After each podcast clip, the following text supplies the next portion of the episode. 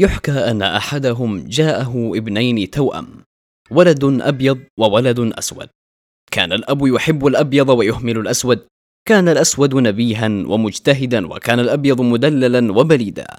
ورغم بلادته قربه ورغم نباهة الآخر أهمله. فاشترى للأبيض مركبة فارهة وترك الأسود يدبر نفسه فعمل بجوار دراسته وجمع مقدار مركبة بسيطة على قدر ماله. وجاء اليوم الذي طالب الأسود أباه بإنصافه. فما كان من الاب إلا أن طلب من كل منهم تكوين فريق كرة للقدم ليتباروا ويقرر هل يستحق الأسود أن يحترمه ويوقره أم لا. وجاء اليوم المقرر لمباراتهم وقرر الأب أن يكون بنفسه الحكم كي يكون الحكم نزيها. وبدأت المباراة وبسبب ميول الأب لابنه الأبيض تغاضى عن خشونتهم ضد الفريق الأسود. وأعطاهم ضربة جزاء غير مستحقة أحرزوها هدفا. وبينما كان ذلك أحرز الفريق الأسود هدفا وألغاه الحكم الأب وآخر وألغاه. وبعد انتهاء المباراة جاء الابن الأسود لأبيه وقال له لماذا يا أبي فعلت ذلك؟ وما كان جواب الأب إلا يا بني تخزيني هزيمة أخيك فكيف لك أن تتجرأ وتنتصر؟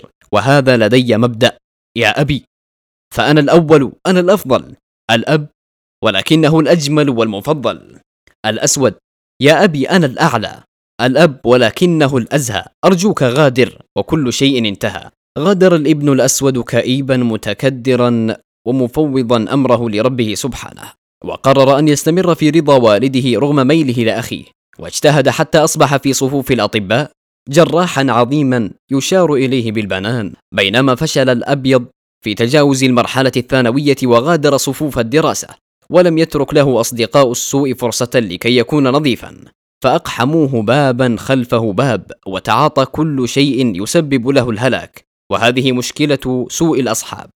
وبينما كان الأبيض في وضع غير طبيعي وهو يقود بسرعة جنونية لم ينفعه معه نصح والده بأن يخفف سرعته سابقا.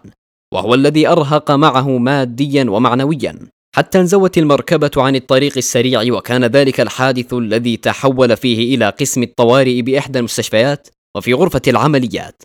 تم إنقاذ الإبن الأبيض من موت محقق ولكنه فقد رجليه حيث لا تعود الأقدار للوراء وهذا ما نجنيه من الانسياق وراء توافهنا التي أحببناها. وما إن انتهت العملية إلا والأب مستقبلا ابنه بالدموع والأسى والقلب المفطور. ولكنه في هذا الموقف وبعد رؤية ابنه المدلل حيا أحب شكر ذلك الجراح العظيم الذي أنقذ ابنه من موت كان محققا.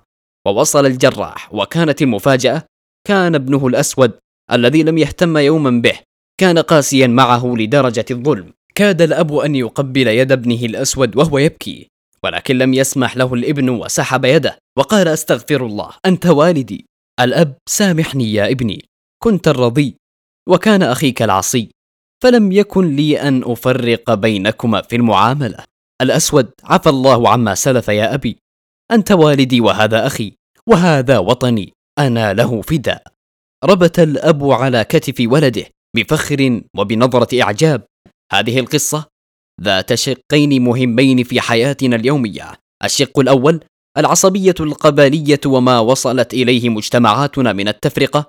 والشق الثاني ميولنا الدائم في تربيتنا نحو أبناء دون غيرهم. فكم نميل في تصفياتنا لأبيض وأسود لعرق دون عرق لأبناء دون أبناء لأشخاص دون أشخاص. فقط لأننا أحببناهم فقط لأننا نتمنى لجهة دون جهة فقط لأننا لم يعجبنا الطرف الآخر. وحتى كرة القدم لم تسلم وهي رياضة. والرياضة كما قالوا للجميع للسلام للمنافسة للمحبة للترابط. عكس ما نراه القصة كما يقولون ضربت أكثر من عصفور بحجر واحد. ولا أريد التشعب فالموضوع متشعب بطبعه. ويكفينا قول الله تعالى في كتابه العزيز أعوذ بالله من الشيطان الرجيم. وعسى أن تكرهوا شيئا وهو خير لكم وعسى أن تحبوا شيئا وهو شر لكم. والله يعلم وأنتم لا تعلمون. نميل ونحن غير مقدرون لنتائج ذلك الميل. لتلك الأهواء التي بدواخلنا. ونصف أنفسنا وجنسياتنا وأعراقنا بالأفضل والأبهى والأزهى والأجمل والكامل والمكمل. وغيرنا نصفه بالوضاعة والقباحة والسذاجة والهماجة. نميل ولا نريد تحمل تلك النتائج التي تفيض بها أخلاقياتنا والتي نتمنى أن نأخذها للأعلى كما كنا سابقا. نحن ننسى قول الله في كتابه العزيز يا أيها الذين آمنوا لا يسخر قوم من قوم عسى أن يكونوا خيرا منهم ولا نساء من نساء عسى أن يكن خيرا منهن. وقال سيدنا محمد المصطفى صلى الله عليه وسلم لا فرق بين عربي ولا أعجمي ولا أبيض ولا أسود إلا بالتقوى. فالخيرية والأفضلية بالتقوى وبالصلاح وبالاستقامة بحب الناس وبخدمة الناس. أخيرا فعلينا التنبه لثقافاتنا وموروثاتنا القبلية والتعصبية والتي لا تمت لحياتنا بصلة. وعلينا التنبه بأن أبناءنا نعمة وعدم الميل في تربيتهم لأحدهم دون الآخر يجعلهم في القمة دوما. جعلنا الله محببين متحابين طيبين قريبين ومقربين. نسير على خطوات الصالحين الطيبين. مقال أبيض وأسود بقلم الكاتب حمزة عصام بصنوي إلقاء صهيب الأشموري.